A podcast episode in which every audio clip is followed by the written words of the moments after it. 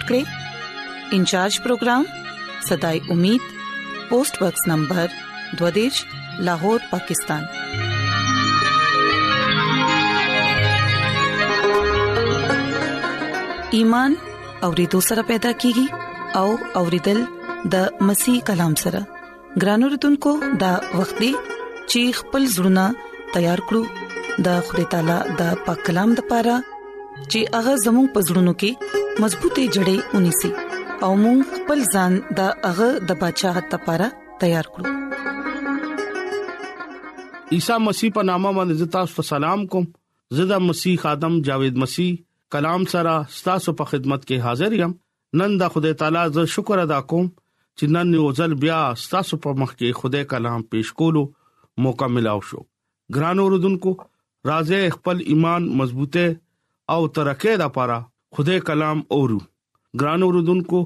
نن چې کم مونږه د خدای کلام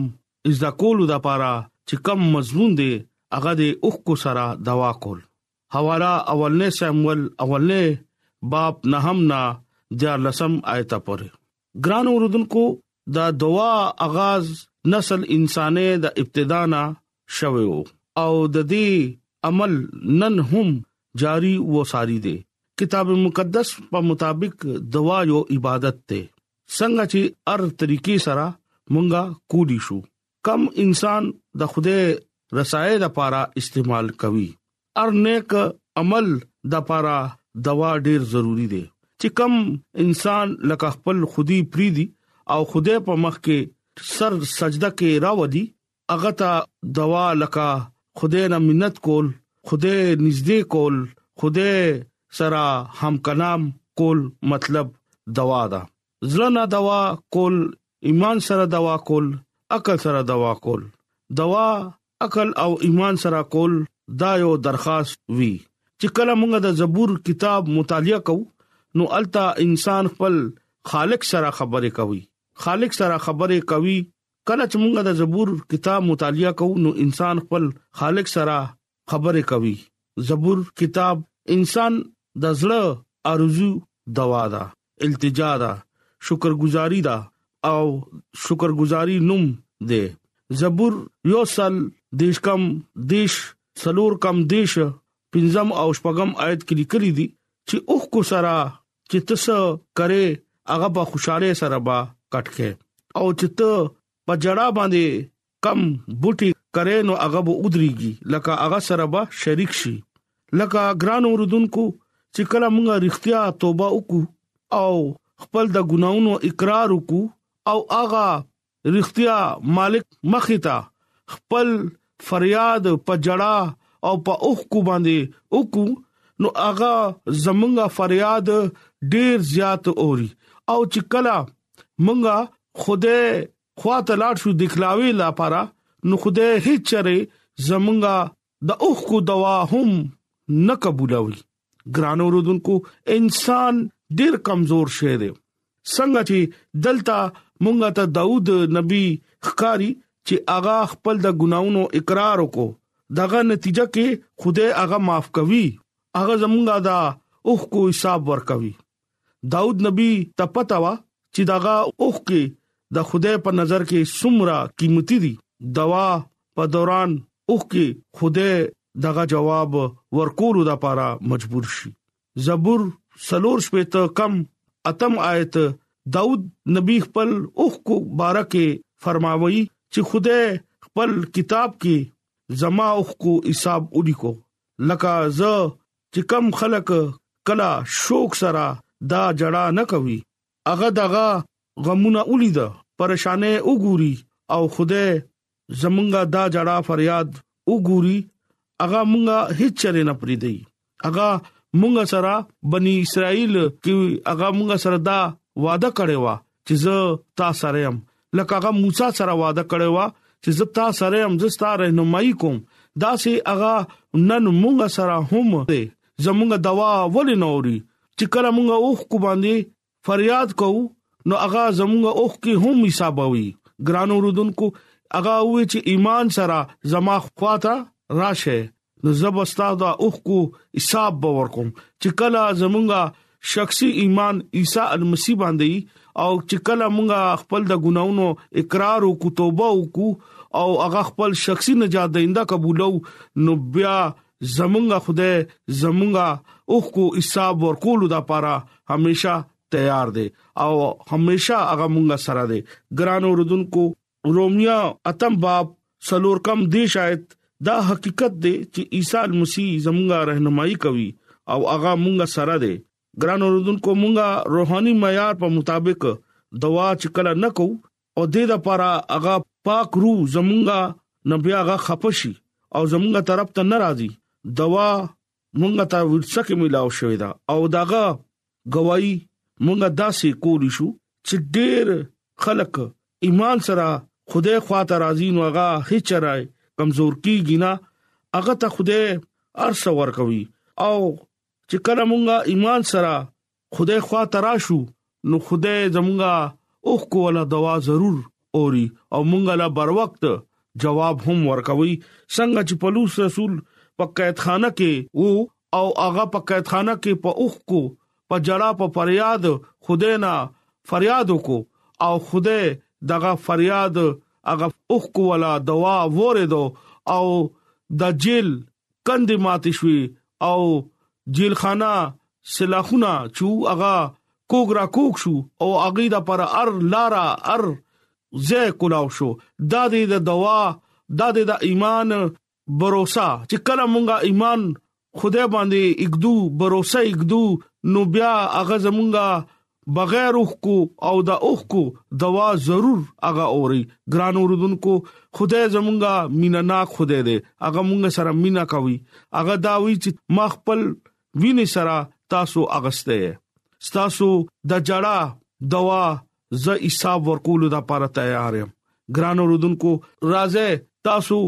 ځان تیار کې دانیل نبی پشان ازمرو په ماغ کې او خدای نه جړه فریاد شروع کو او خدای دغه بر وخت مدد لپاره خپل نوراني فرشتي اولېګلې او دغه هغه حفاظت کو ګران اوردونکو تاسو سره خوده هم تیار دی چې کله مونږه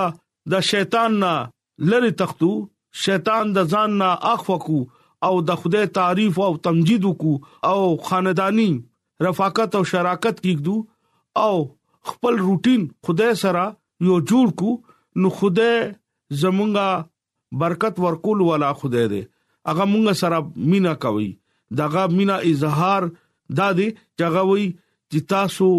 د پاره زم او برا پاسمان کې کورونه جوړوم تاسو د پاره ز خزانه جوړوم ګران اوردونکو اغا زمونږ د پاره ډېر لوی قرباني او غمونه او تکلیفونه تیر کړو او زمونږ د پاره نجات لارا کلاو کړه او اوس خو دومره اسان شو چې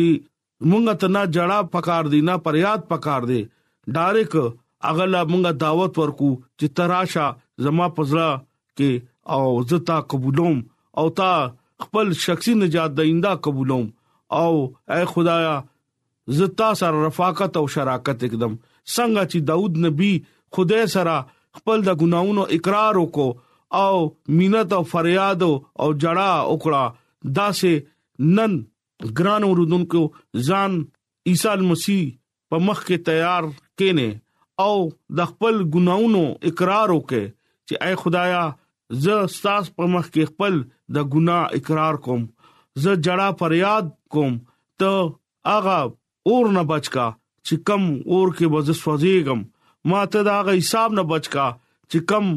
حساب کې بز سوځيګم اے خدایا ته زما مالک ته زما خالق ته بچکول والا زما خدای تا اغا خلق را چې کم مرګ کې او ګناه کې ډوبېدو تاغي وباسه اے خدایا نن زه هم ستاپا انتظار کې ناسم نن سار وختي زستا انتظار کوم چې ته راشه او زما پکور کې راشه ما سره ملمشه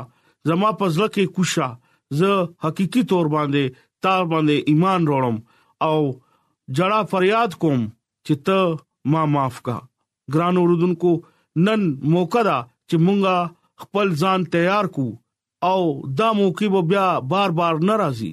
چې څوک زمونږه د کلام आवाज اوري هغه ځان نن تیار کړي چې اے خدایا زستا په حضور کې راځم خپل د ګناونو اقرار کوم